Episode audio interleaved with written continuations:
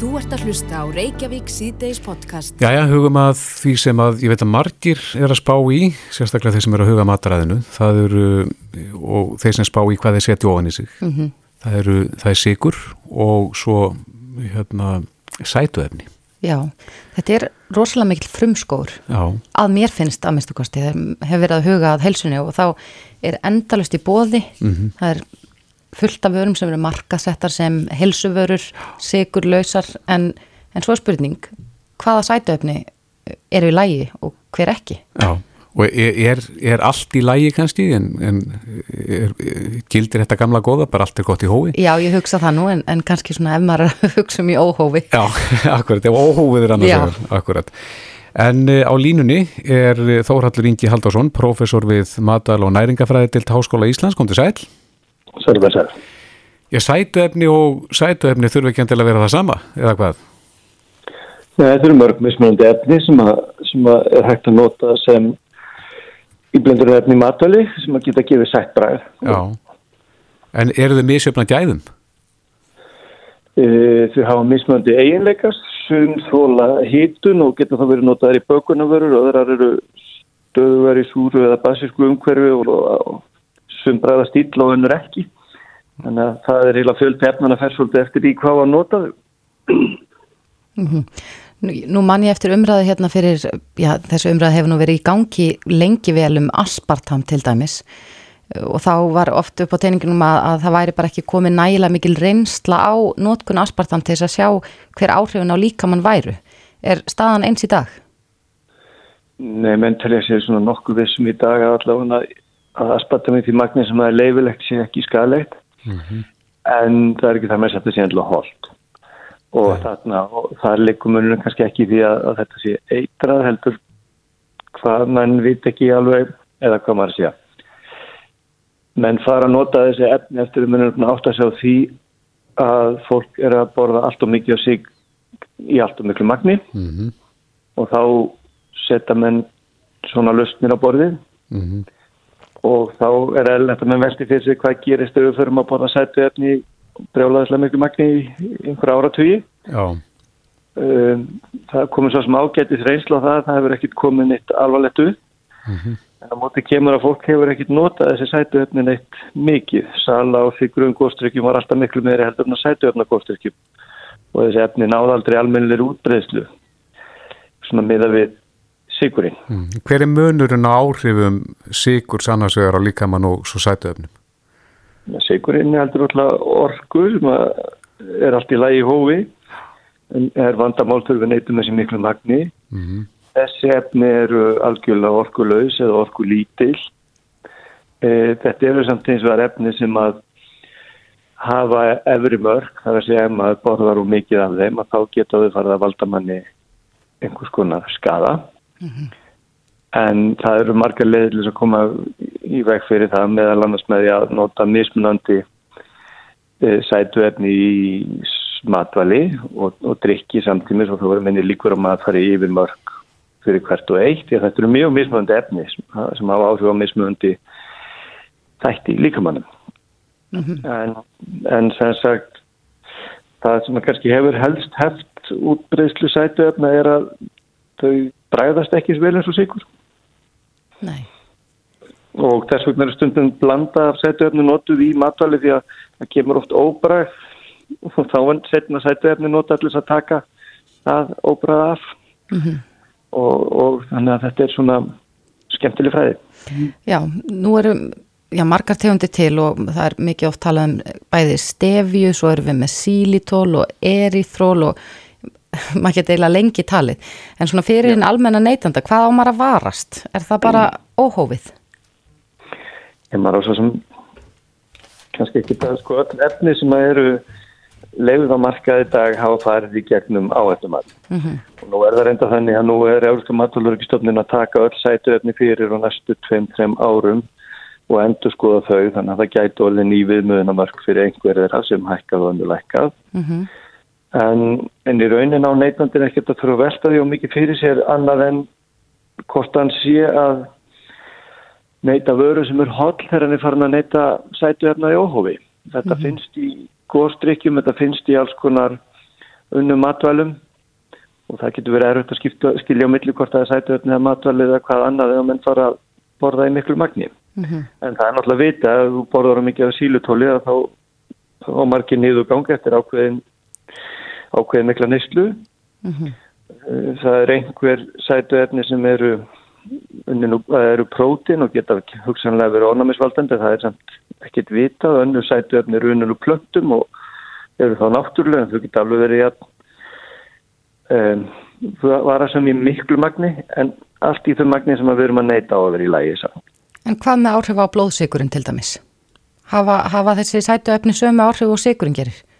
Nei, en það er einhverja kenningar um það að ef við verum að borða mikið af sætu mat þá hefur það áhrif á það hvernig við borðum almennt mm -hmm. og það getur það verið óbein áhrif á blóðsigur. Já.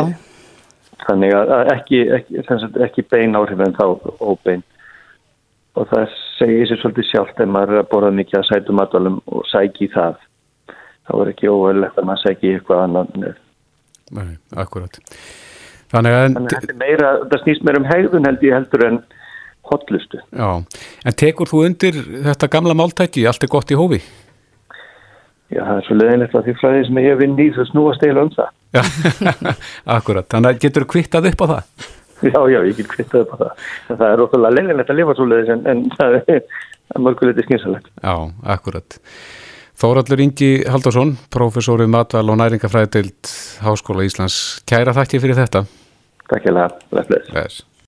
Þú ert að hlusta á Reykjavík C-Days podcast. Það voru hörku spennandi frétti sem að maður fylgist með um helgina, um enga þóttu sem var flóið hinga frá bandaríkjunum. Mhm. Mm Eh, lend á Reykjavík-flugulli, við skildum þetta rétt og þar beigð einn verðmatasti farmur Íslands sögunar að því er frétti sögði.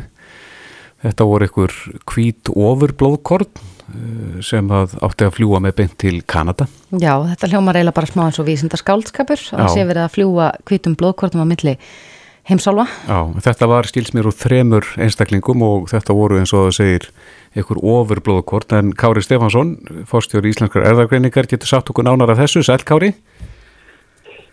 Komið sælublesu, það sem ég vildi byrja á að e, benda ykkur á er að, að þetta var svona setni skamtur, það voru send kvíblóðkort frá þremur öðrum Íslandingum fyrir nokkum vikum. Já. Hva? Og e, þessir, þetta voru einstaklingar sem hafðu fengið e, sýtinguna höfðu lasnast af COVID-19 mm -hmm.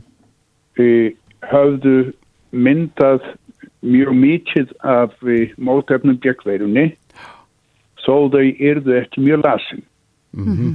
Og e, það var það voru nú þau stílmerti sem voru nótið til að nálgast fólk og byrja þau að taka þátt hugmyndin að þessu er svo að, að með ákveðnum aðferðum er hægt að einangra úr hópi þessari kvítu blóðkarna þau sem búa til mótefni gegn sérstökum hluta veirunar þeim hluta sem verður að nálgast þess að afvapna veiruna mm -hmm. Og e, þetta verkefni byrjaði á því að það var að senda kvíðblóðkortn úr, úr fremur e, fyrir svona fremur sjóru vikum og verkefni hefur gengið mjög vel þessi flegir fram mjög hratt og hugmyndin er svo að, að eh, nota þetta til þess að búa til mikið af mótefnum sem eru nota, notað til þess að lækna þá sem eru illa lasnir mm -hmm.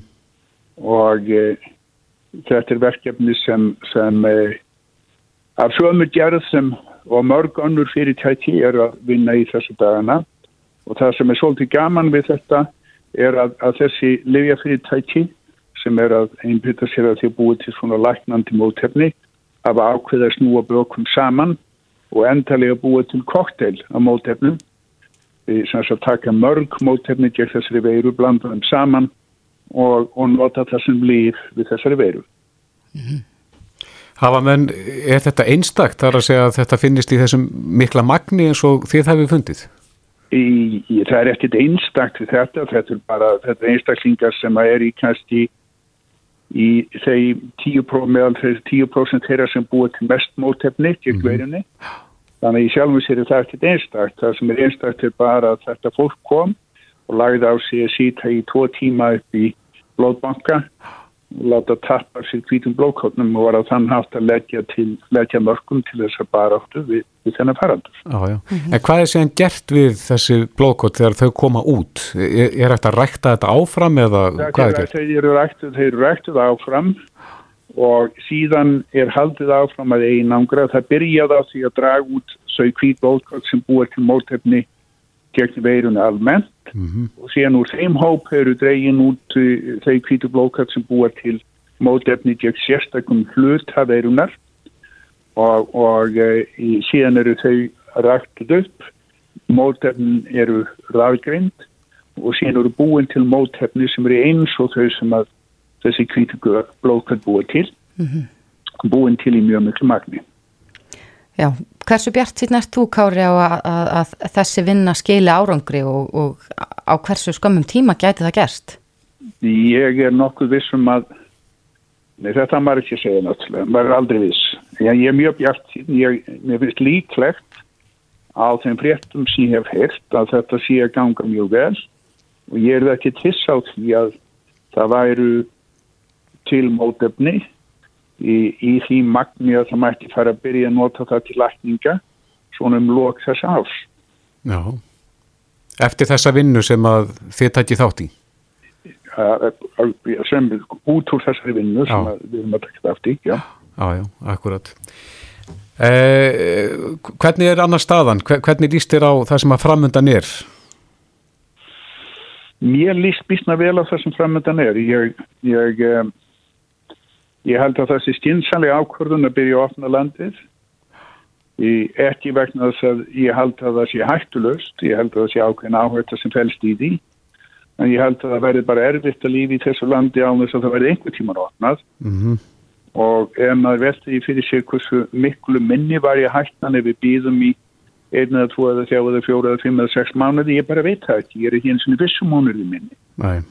En, en eh, ef við opnum fljóðlega það mætti rekna með því að það eru kannski aðeins minni ágangur og síðan hitt að þó svo að stímunin sé ekki 100% örug þá að það gæti laðist inn einn og einn einstaklingur sem er smittaður þá eru líkurnar miklu miklu minni ef við stímum og það sem meira er að við sem sínt fram á að, að ef að inn e, slæðast einstaklingar sem eru síktir, þá erum við með aðferði til að slökku á því á sveipstundu. Mm -hmm.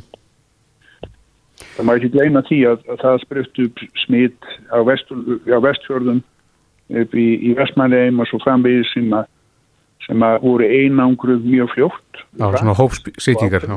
Já. Þannig að ég, ég held að þetta sé ekki áhættulöst, ég held að við ljóttum að fá einhver tilfellin í landið Ég held að okkur komið til með að leynast, reynast að tiltjólu auðvelt að einangra þau og, og losna við það. Ég held að þetta sé eina af aðferðunum bara til að reyna að koma lífi í þessu landi aftur á, á tiltjólu auðvelt form. Mm -hmm. En það er verkvallstíð sem hangir yfir, eh, hjókunarfræðingar á leiðinni í verkvall. Hefur það áhrif á starfseminna hjá þér? Í, við erum í því að að verðum ekki því að taka síni og fórst út á flugverðli þannig að það verður engin áhrif okkar starfsemi. En kemur það til að hafa áhrif á stímunum að ég held vallar vegna þess að meiri hlutin á þeim sínum sem hafa verið tettin hafa verið tettin af fólktjúra árum starfstiftum heldur en sjúknarfræðing Já, þannig að þú verð ekki trúið því að þetta fyrirhugaða verkvall munir stifta það miklu máli þegar það kemur að þessu verkefni?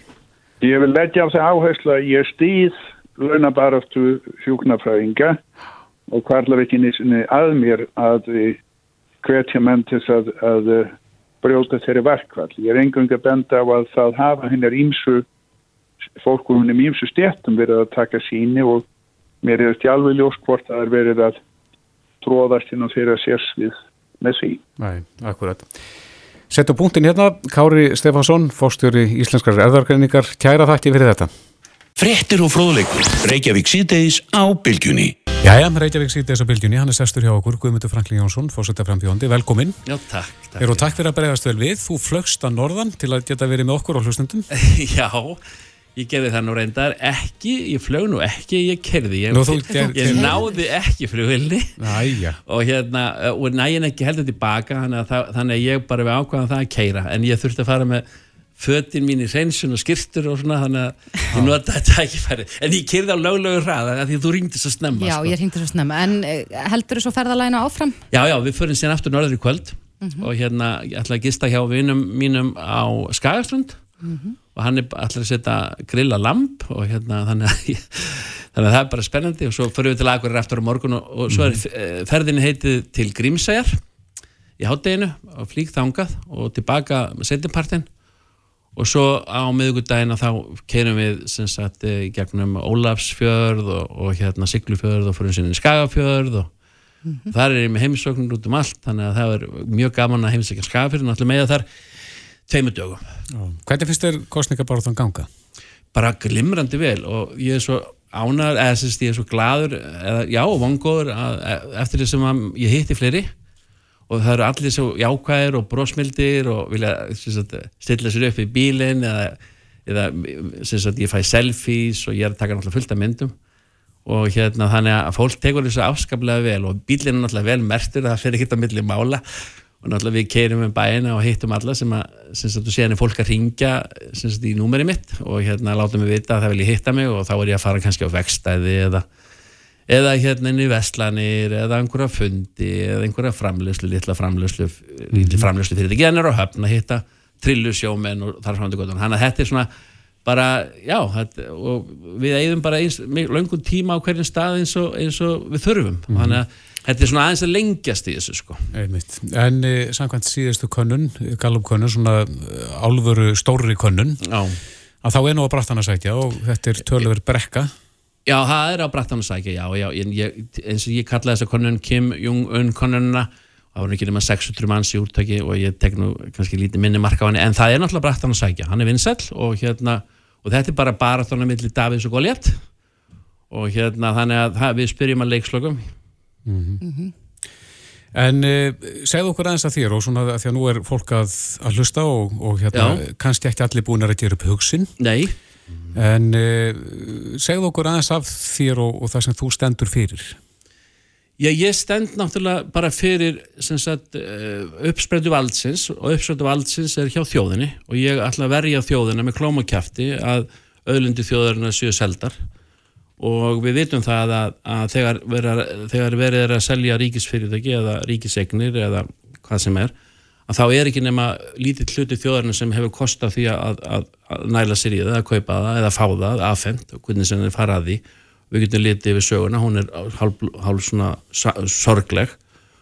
Og, og þannig að ég ætla mér að standa vörðum öðlundi þjóðarinnar og setja þau mál í þjóðaratkvæðagreðslu eða nýta með málskottsréttin til að stoppa til dæmis söluna á landsvirkjun sem er fyrir hugað eins og við vitum hver, hver, hver segir það að? Það er margótt búin að lýsa því út. Þú getur googlað Bjarni Bernindisson og Sala landsvirkjunar það bara sögur og sérst að ég nú mæna hérna á Facebook hjá mér. Þannig að, að það er alveg á hreinu. Það segja það allir þingmenninni nefnilega. Þeir segja allir sko að þeir séu á mótið í að sölu landsvirkjunar en þegar það kemur að því að þá, er, þá geta það ekkert gert vegna þess að við erum búin að skrifa undir þessi orkulög. Og þau eru bara, sagt, þetta eru markas aðstæður ráða og markasverð ræður og, og ef einhver segir til dæmis að það sé ekki að koma neitt sæstrengu þá er það bara, er það bara ekki rétt. Og við höfum sett það inn í, sagt, við höfum sett það sem einhvern fyrirvara. Að alþingi verða að, hérna, að alþingi verða að, að samþykja sagt, þá er það bara, sá fyrirvara heldur ekki. Það er þessi lög sem við skrifum undir og þessi hérna, Evrópu reglugjart, hún ræður, hún er yfir hún er hafin yfir íslensk lög. Og þetta er bara, þetta er staðrindin og ef að fósittin hérna, getur stoppað þá ætti hann að gera það, en við bara sjáum til og, og hérna, og ég vil bara vera öryggisvendil vegna þess að við erum að horfa á svo miklu rauðlindir sem að eru hugsanlega að fara í sölu að hérna, að við erum að tala um bara komandi kynsluður, við erum að tala um alla framtíð. Og við eigum þessar öðlindur í dag, við erum að njóta lagsraforkuvers, hinga til höfum við verið að gefa það á lágu verði til erlendra auðringja og hérna og svona alþjóða fyrirtækja eins og, eins og álfyrirtækina sem við höfum notið líka góðu saf, við skulum ekki gleyma því. En mér finnst að við ættum að nýta orkuna, orkuölduna á ennfrekar og lækka verð á rávorku til allra sem að vilja stunda íslenska framlegslu og auka íslenska framlegslu sem að sem að komi vel núna í ljós hvað að við þurfum að gera í, í þessu COVID-fári. Hvernig getur, getur fórsetin eh, blanda sér í, í eh, verðmyndun á rávorku? Já, hann getur á, ekki blanda, sjálfsögur getur hann það ekki, hann getur talað um það, hann getur opna augufólks, hann getur, hann getur, hann getur beitt sér fyrir því að það farið fram samtal, hann getur sagt, þetta er kannski ekki náðu snöð, að selja landsverkun og búta hana upp í allar þessar virkjanir því að þannig, þannig selja það hana. Því selja búlandsvirkjun hér og búrfellsvirkjun hér og ljósafásvirkjun hér og svona. Þannig að, að fósittin getur bara stoppað þar hennilega og, og hafið samtalið. Og fósittin ánefnilega að vera að, að hann á að vera brúin að milli þings og þjóðar. Og hann á ekki verið einhver ræðingut skilur, hann á bara að vera þarna og tala máli þjóðarinnar við þingið. Ekki tala sínumáli, hann á að tala máli þjóðarinnar.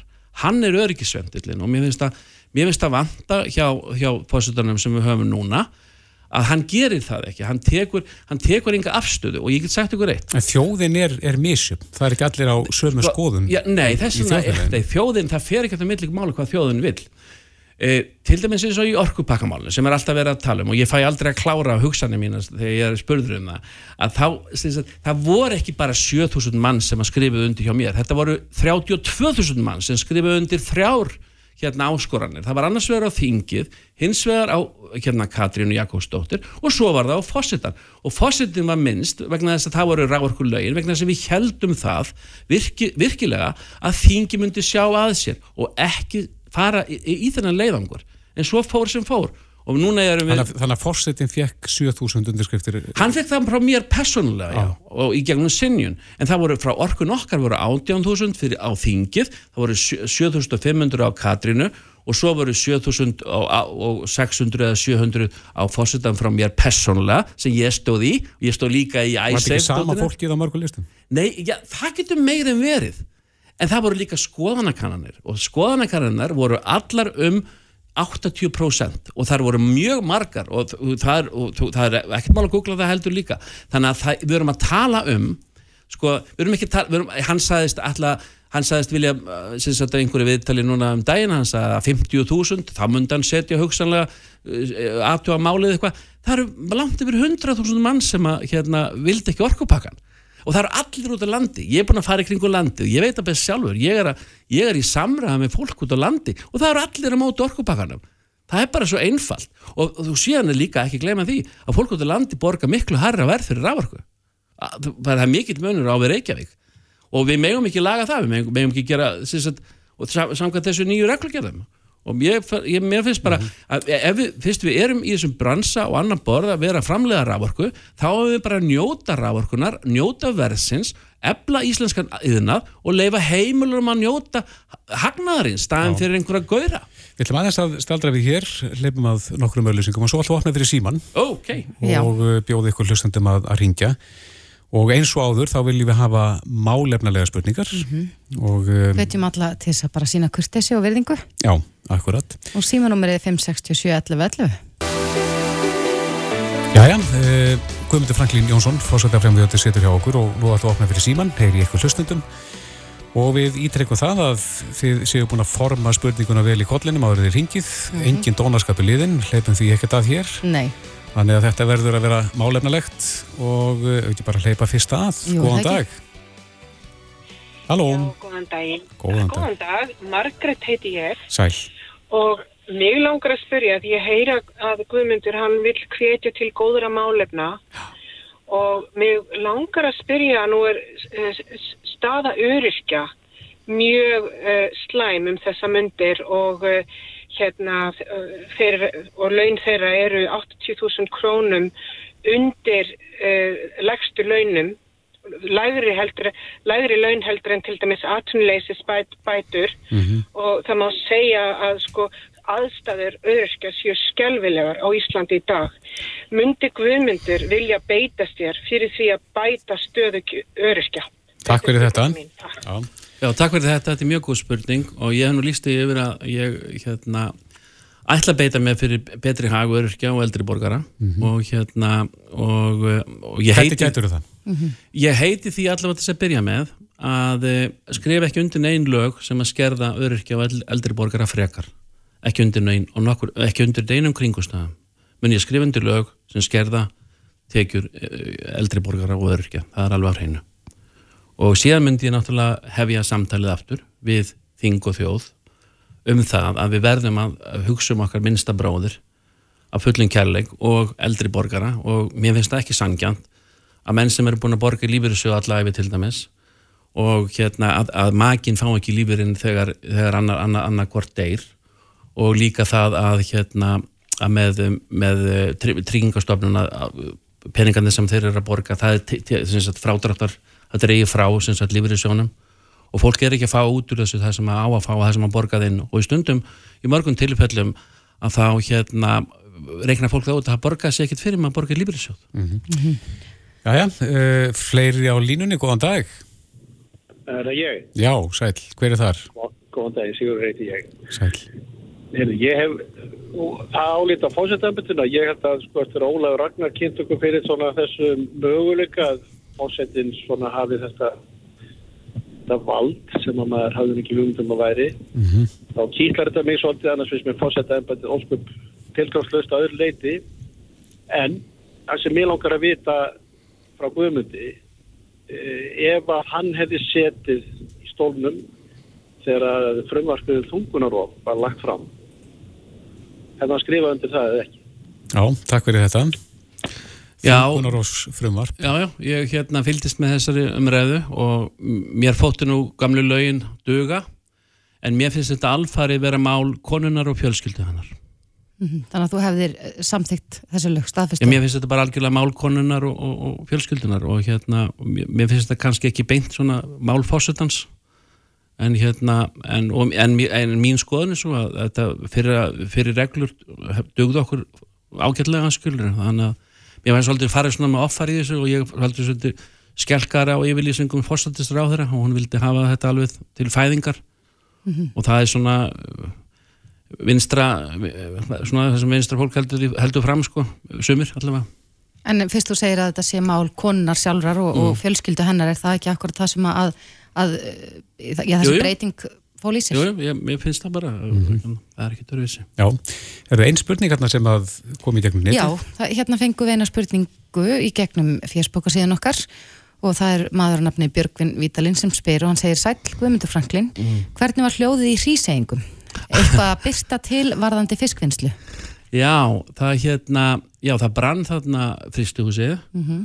og það er annað pláss sem, sem að þeir geta breytt í sagt, að, þetta stoppar ekki alla vinslu á staðnum og mér skilst að þeir geti breytt öðru húsið þarna í, mjög fljóðlega í, í aðstöðu fyrir sig. Og uh, þannig að auðvitað er náttúrulega dabulegt þegar svona gerist og tjón en, eh, en þetta stoppar þá ekki mjög langan tíma þannig að þeir verða kominir á fullt vonandi mjög fljóðlega en, en annars var mjög gott hljóðir í segu ég, ég fór út í Rísi í fyrrandag Og þá er það næsti í símanu, góðan dag. Já, góðan daginn, Sigrun Margrit hérna. Sæl Sigrun Margrit Blessar og sæl, heyrðu, mér langar að spyrja Guðmundaði mm -hmm. uh, Ég er alveg sammála um að við hefum ekki að selja öðrundir okkar og allt svo les í sambandi við okkur örkja Já að þarna eh, allar hann að berjast fyrir því? Nú hefur við leiritingu inni síðan 2008 og 9 allar hann að berjast fyrir því að örkja verði jafn háir og bara vennileg verkamanniska Já, það var nú reynda búið að spyrja um ég, eh, þetta já, hérna áðan. þetta var flott hjá konunni sko. Já, já, ég, ég ætla að beita mér að fullu afli að örkjar geti lífa sómasamlegu lífi og alveg á pari við, við, við, við, við önnur laun. Alveg æðislegt, þú ert frábær. Takk fyrir þetta. Herðu takk Bless, bless. Það var það mest í, hlustandi. Góðan daginn. Hver er þar? Þorður heit ég. Sæl Þorður. Herri, mér okkur var að koma brandum verið í sjóraðin. Ertu með spurningu fyrir Guðmund Franklin? Við erum aðalega að leita eftir þeim. Nú ætlar hann að segja að hann að nýta málsfólksetin ótakborgaða. Nei, ég sagði það reyndar ekki. Ég ætlaði að nota hann sparlega og engungu þeim málum sem að fara ekkit fram hjá fólki að, að séu mennur. Við erum hlust á viðtal við þig svona gegnum tíðina þá er það móti öllu sem að þingir að gera. Heyrðu vinnur, hérna, það er ekki rétt hjá þér. Það er ekki, það er ekki rétt hjá þér. Leðu mér að bera spurningar fram uh, verður þetta ekki verið þannig þá að þú, öll málfæri þjóðu afgangriðslu mm. við fyrir að festa, festa bara einn dag í mánuði bara fyrir, fyrir þjóðu afgangriðslu Nei, nei, sko þetta, nei, nei Já, herðu, spur, spurningin er komin, takk fyrir þetta Já, nei, sko, svislendingar hafa mjög gott kerfi og hérna, og það mörg málfæri þjóðu afgangriðslu en við höfum, sko, hérna höfum við málskottsréttin sem er 27. greinin og þú þarft ekki neitt, eitthvað magn af undirskriftum eða áskorunum fórsendin getur beitt að hva, hvaða einasta máli sem maður vil, en, en það er ekkert vitið því, vegna þess að þú eru þá aldrei kjörin aftur og ég meina það er bara einhver vittlisa þannig að, að það verður að vera mál sem er það stórt að þjóðin er komin öll upp á afturlampinnar mm -hmm. til dæmis eins og Jórkupakana Hvernig, hvernig metur það? Þú, að þjóðin sé komin upp á afturlampinnar? Hvað... Já, þú metur það þarri, þú þarf nú ekkit annað heldur en að fylgjast með fréttum fyrir að fyrsta. Síðan, eh, síðan hérna, þarf það að fylgjast með skoðanakonunum þú getur gert skoðanakonun sjálfur. Ég hef bent á það að fósitting getur haft, skal ég segja, konun á sín eigin heimasíð og hann getur haft op opna gátt eins og samráðsgátt stjórnvalda. Þau eru nú að breyta stjórnarskrani í gegnum samráðsgáttina. Og það er hægt að hafa svona samráðsgátt hjá fórsættamöndinu og það er hægt líka að fórsættamöndi getur gert kannanir, þið getur gert kannanir síðan getur verið undskriftarlistar allar, það fer ekkert að milli mála. Orkupakkamálið var búin að vera í ár í þjóðfélagsumræðinu áður og var bara mjög mikið hita mál En hvað liggja mörgin þar að segja ef að þú fengir, ef að þú erður fórsætt og fengir undskriftarlista, hvað þyrtum margar undirskriftir að vera á listanum til þess að þú myndir neyta Ég, mynd, ég ætla ekki að segja neitt, neina, neina töl í því. Það, ég, hérna, ég dæmis fyrir ISAF í mars 2009 mm -hmm.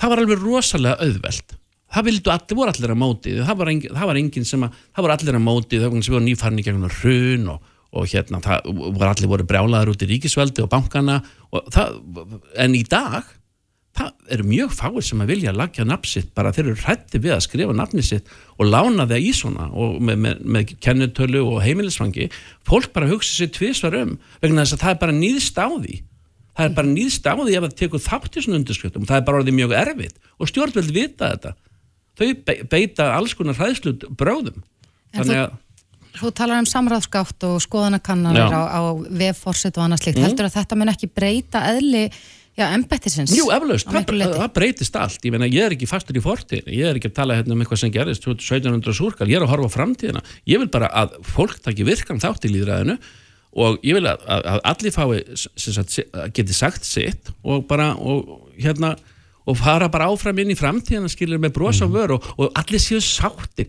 Við getum ekki verið endalust að rýfast í þessu þjóðfélag, það verður að rýfast um allt. Það er ennþá verið að rýfast um kvotakerfi það verður að rýfast um þetta, það verður að rýfast um hitt og aldrei komast það niðurstöðu. Og hver græðir? Það er náttúrulega þeir sem eru í sístafenni því þeir græða á sundurlindi þjóðarinnar. Við verðum að hætta að rýfast og horfa fram á veginn og hugsa um hugsa um okkur sjálf einu sinni, hugsa um þjóðina, ekki þessa 3500, 1% sem á hér allt og ræður öllu. Heyrim við fleirum, góðan dag. Jú, góðan dag. Hver er þar? Stefán er ég. Sæl Stefán. Og sæl Guðmundur. Sæl. Hérna, ég var nú að hugsa um að því að þú ert að tala um að, að halda friðinu og annað slíkt sko. Að nú er Donald Trump ekki alveg í því en þú virðist nú vera svona með hans sem held þína helstu fyrirmynd með það sem að heyrir á útvarpi sögu. Já, er það? það Já, og annar spurning. Þakkaði fyrir Var, var, hérna, þetta, var þetta spurning? Ég, ég vissi nú ekki á þessu en þakkaði fyrir að gera mér upp skoðanir. Já, ég er bara að heyra þetta út af sögu. Hann er eins og þína aðal fyrirmyndi en Já, já, þakkaði fyrir. Hérna, hérna, Ég, ég kannast þú ekki við þetta sko Hver er spurningin? Spurningin er hérna vegna þess að það verist vera engöngu stuðnismenn miðflokksins eða svo til engöngu sem stiðaði Hver eru tengsl þín við miðflokkinu? Já, er það, er að miðflokksmenn sem stiði með alla? Já, sko Ég þakka þið fyrir, ég, ég, ég þakka þann stuðning og ég bara vona stiði með fleiri stáð frá viðrustn og, og samfélkingunum ég síndist ég svona vanta stuðning þann en þakka þið fyrir ábyrninguna og ég bara þakka, inn, þakka miðflokksmennum kellega fyrir hérna tröstið Er, er eitthvað tengsl? Nei, ekki, nei, ekki nokkuð skapa, ég veit ekki hvað mann er að tala um Nei, einni viðbót, góðan dag Já, góðan daginn, heyrið í mér. Við heyrim í þér, erstu með spurningu fyrir Guðmund Franklín? Já, ég heiti Áttin Stefán Adamsson, ég hef eina spurningu á hann. Eh, hvernig hyggst fórsetta framtíðandinn nái hann kjöri, beita sér varðandi úslitt kostninga, varðandi frum, eða efni frumvart stjórnlagaráðs 2011? Já, samöndu við hérna, samöndu við stjórnabreitingu og stjórnarskráni þetta var ekki sambandið breyting, þetta var sambandið efni hennar. ég, getur, þetta er um svolítið stórt hefni Hva, hva, hva, hvað er spurningin? Þetta, þetta voru fjóra spurningar um efni stjórnarskráðuna og það er Er það að tala um þessar sex spurningar sem að voru þjóðaratkakreisla varum?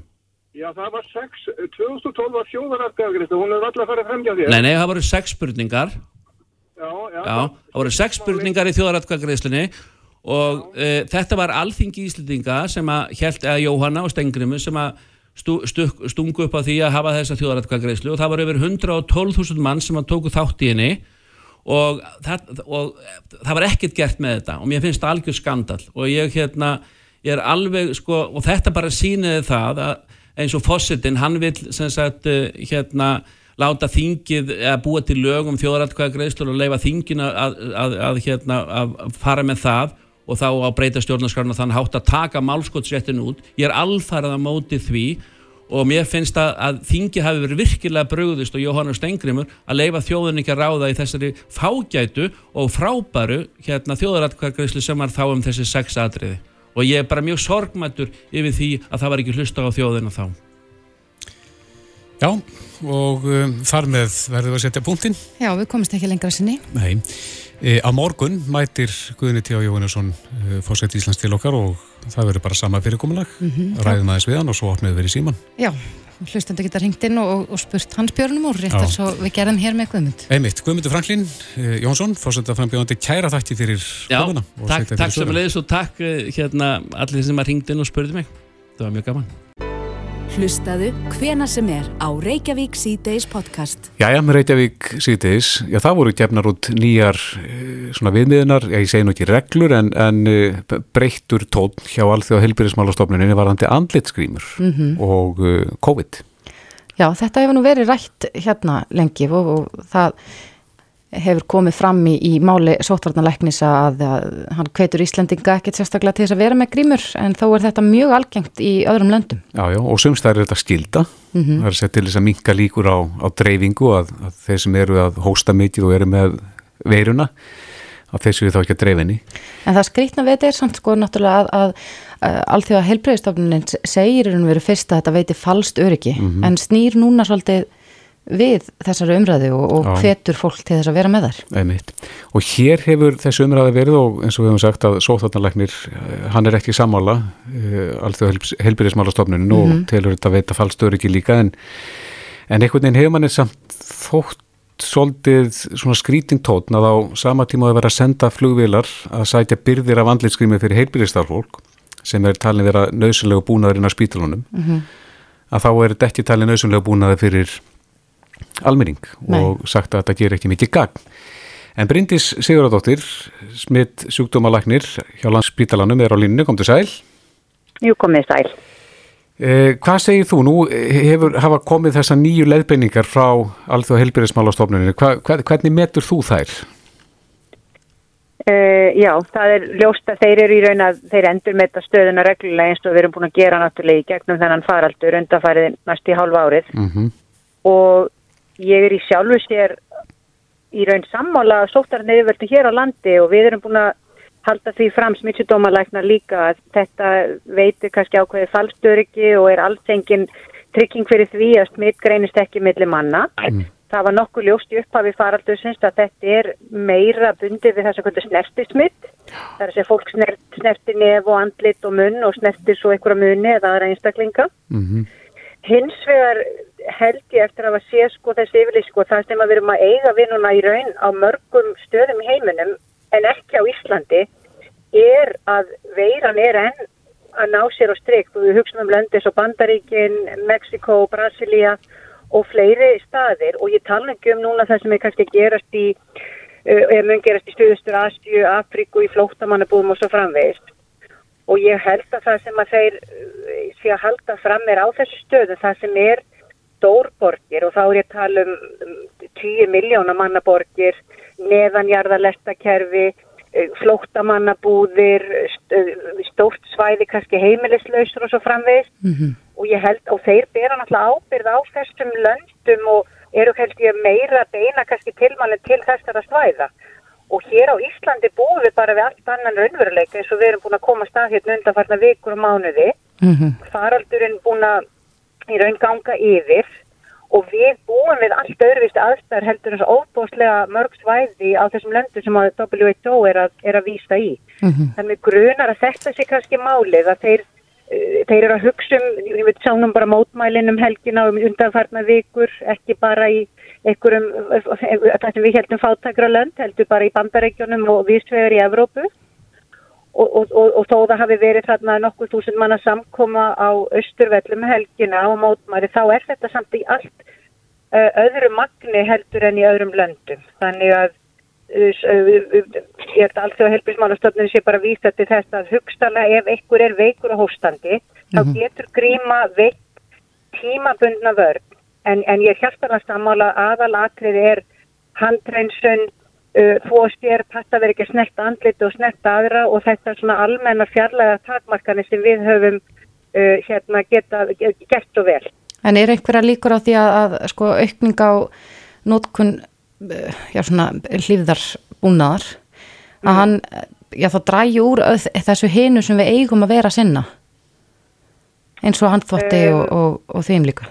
Já, það er svo sem alveg góð punktur að fólk sem er með grímur það kannski passa sig ekki eins mikið og maður hefur séð að eins og afgríslu fólk í vestlunum eða fólk sem er að vinna hér og það er kannski með sömu grímuna heilu dagana það vissulega gæti veikt eitthvað skonar fallstöryggi og grímurnar mettast, við veitum það líka.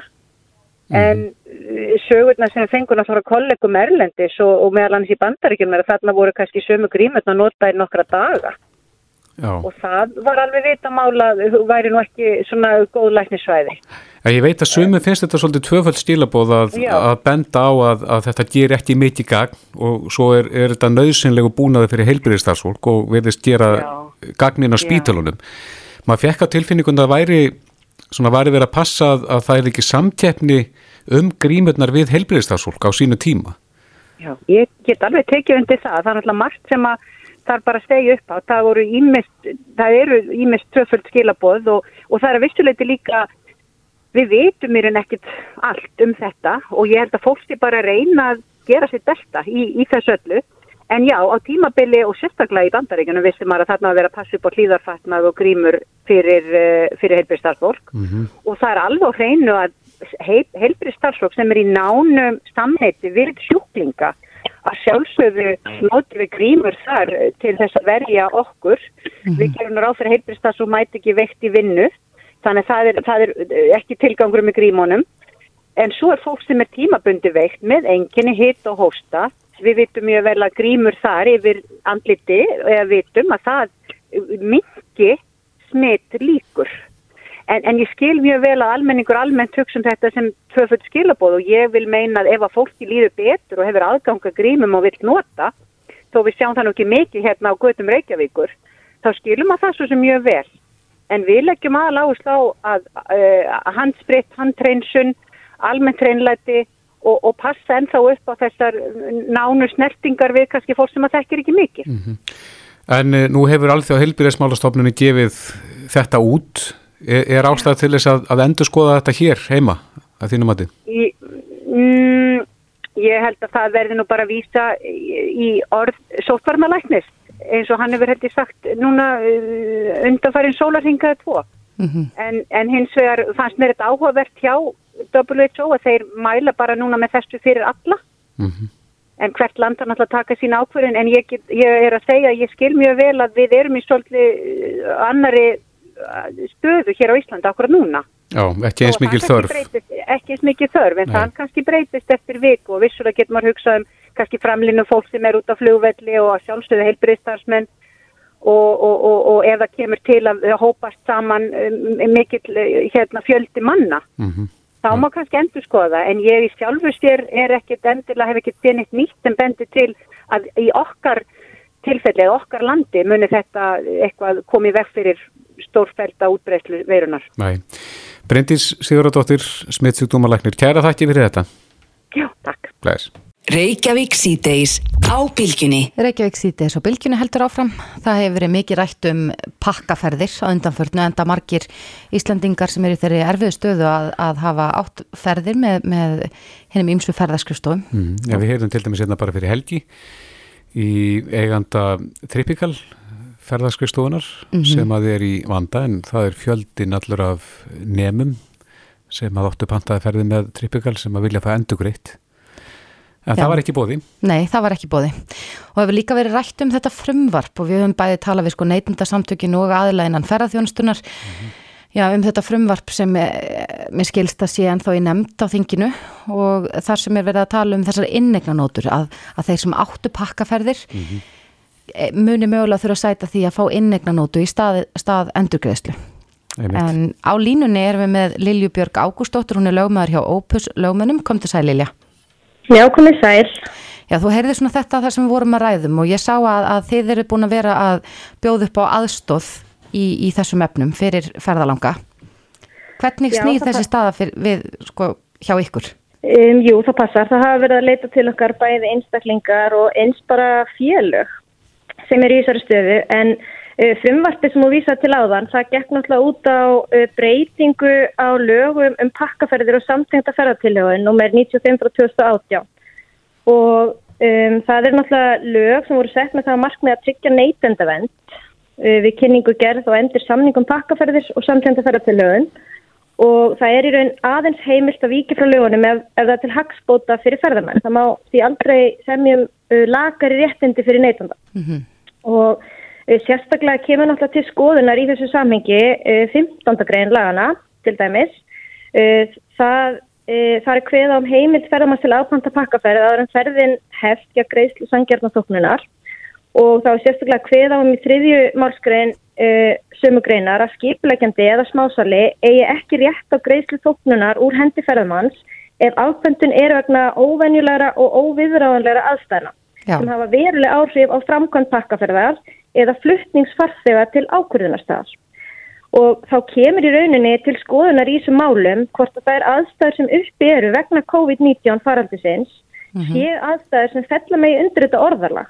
Veist, það er að þau séu bæði óvenjulegar og óviðráðanlegar mm -hmm. og þá er um, því til skýringar má benda á að í aðtórsendum við þriðju uh, málskrein 15. greinar þessa frumvart sem var síðan að lögunum uh, kemur með skýrum hætti fram að undir óvenjulegar og óviðráðanlegar aðstæður í þessu samhengi falli meðal annars uh, stríðsástand, útbreysla farsóta eða sjúkdóma, hriðjverk, politískur óstöðuleiki eða aðrar aðstæðir sem hafa afgerandi áhrif á ferðar til, ferðarlög til viðkomandi staða. Mm -hmm, þannig að það er, er það þín skoðun að þetta falli, þetta ástand, þetta þessi faraldur kórnuveruna falli skýrt það undir? Já, það er í rauninni eiginlega bara hveð á með með beinum hætti. Þú veist, þú lest saman laga ákvæðið og frumvarpi sem fylgir með. Þannig mm -hmm. já, það er að mínum mati þannig. Og það kannski það sem er líka svolítið sérstatt við þessi mál er að það er ekki beinn ágreiningur um kröfunar sem slíkar eða í mjög fáum tilfellum er það þannig. Uh, ég hef uh, fengið fregnir af því að í þeim tilfellum þar sem hefur stemt eða áallega að gefa út stefnu í þessu málum að þá hafi uh, kröfunar fengið skreittar og félaginu er semja við það aðeins sem eru sem sagt, komin með málinn á þetta stig. Mm -hmm. Í tilfelli þeirra sem að hafa gengið að einhverjum afarkostum, það er að segja fengið einhverja valmöguleika en enginn af þeim er að fá endugreitt, er ekki aftur snúið fyrir þá? Ega þeir ekki þá, hafa þeir fyrirgett rétti sínum að því að, að fá endugreitt? Sko, réttur þeirra til endugreitli er í rauninni skílaus en, en hérna, þeir uh, geta náttúrulega samið við ferðaskristofunar um aðra önnur úrræði mm -hmm. og til dæmis er það þannig að þeir meiga í rauninni sko ferðaskristofunar hafa heimil til þess að gefa út þessar inneignunótur svo lengi sem að neytandin samþykir það. Mm -hmm. en, en þegar að fólkir gefnir einhverju afar kostir þar að segja verði að svara innan þessa tíma og þessi kostir eru í bóði? Um, hvort það hefur fyrirgerst eitthvað rétti sín nei, Já. ég myndi tellja ekki vegna þess að laugin hveð á um það að það með ekki semja um sko, eh, þau geta náttúrulega sami samningsfrælsi gildir um að þú getur í sjálf þessu samið um hvað sem er ef þú ert samþykkuð í mm -hmm. en ég myndi tellja það um leið og þetta er orðin einhvers konar þvingun eða verið að þrönga fólki inn á einhverja brautir sem eru lakari réttindi, fela í sig lakari réttindi en laugin byrja með sér og þá myndi ég nú tellja það að vera mjög gráðsvæði mm -hmm. en um, svo er líka bara staðan þannig að uh, varðan þessar innegnanótur að það geta ekki allir nýtt sér þær uh, nú er að koma til okkar eins og ég sagði áðan til dæmis uh, félög og þau eru, uh, það eru starfsmannafélög sem eru jafnvel búin að leggja út í mjög mikla fjármenni fyrir uh, ferðum sem er, er skipulega langt fram í tíman bæði verið að greiða úr sjóði félagsins og eins bara úr uh, vössum starfsmanna og það eru mikla breytingar innan fyrirtækja bæði náttúrulega vegna COVID ástandsins og líka bara uh, velta starfsmannahald og annað stíkt. Þannig að veist, það er allt aðra forsendur uppi þegar viðkomandi aðilar uh, geta kannski nýtti fyrir einegnanótu sína síðar. Mm -hmm. og, og svo eru við náttúrulega líka þessi staða sem að útskriftar árgangar eru í og hefur mikið verið rætt einmitt og þeir komið inn á áðan að þú fer bara í útskriftar fyrir einu svona æfinni og svona útskriftaferð og það er ekkert gaman að fara í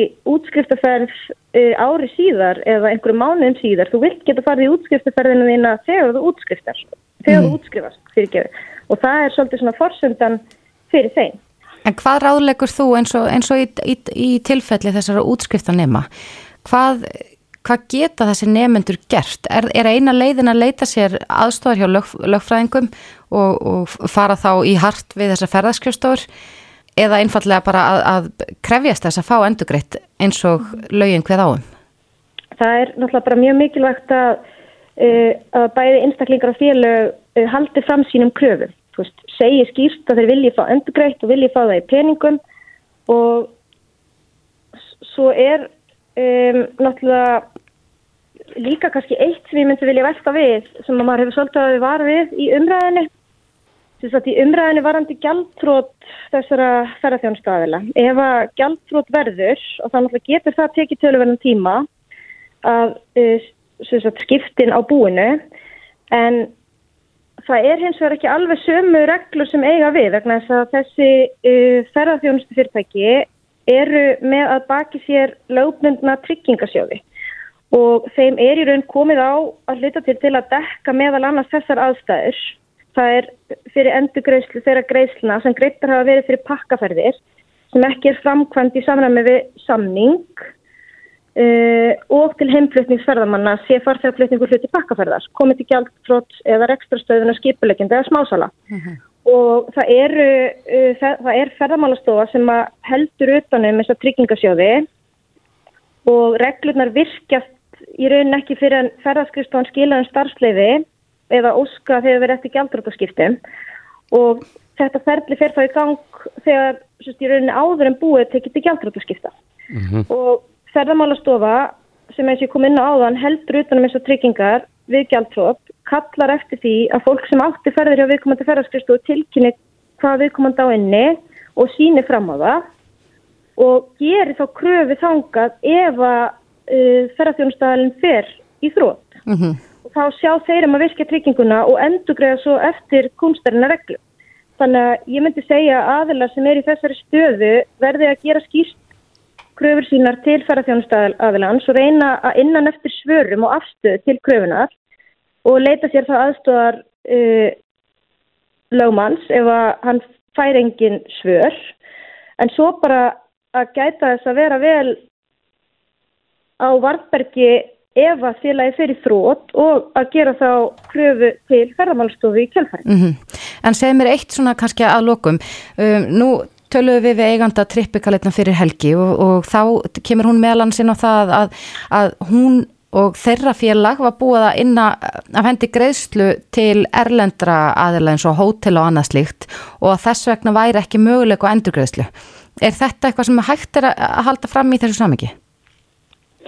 Sko ég myndi telja það að þeir séu alltaf ábyrgið kakvort sínum viðskiptavinum og mm -hmm. viðskiptavinir þeirra ber ekki ábyrg á öðrum uh, uh, viðskiptasamböndum sem þeir ber ábyrg á kakvort og taka sjálfur ákvörðun um að vera í viðskiptum með einhver tiltekinn fyrirtæki. Þetta er, þetta er samt erfið staða þegar, þegar að maður skýlur þessa stöðu sem fyrirtæki er í. Já, já, maður, maður skilur það og maður skilur líka alveg umræðina sem áttu sér stað uh, í sam, um þetta frumvarp sem áttu mögulega að leggja fram og hún áttu náttúrulega að taka hlut til á þessu vandamáli en þá getur við líka hort til uh, þeirra gaggríni sem að til dæmis neitundarsamtökinn hafa uh, komið með fram. En það er varðandi þess að tryggingasjóði þú veist eins og þeir eru uppbyggður í dag þá er þetta sértryggingasjóðis þar sem hver og eitt fyrirtæki með sinn sjóð.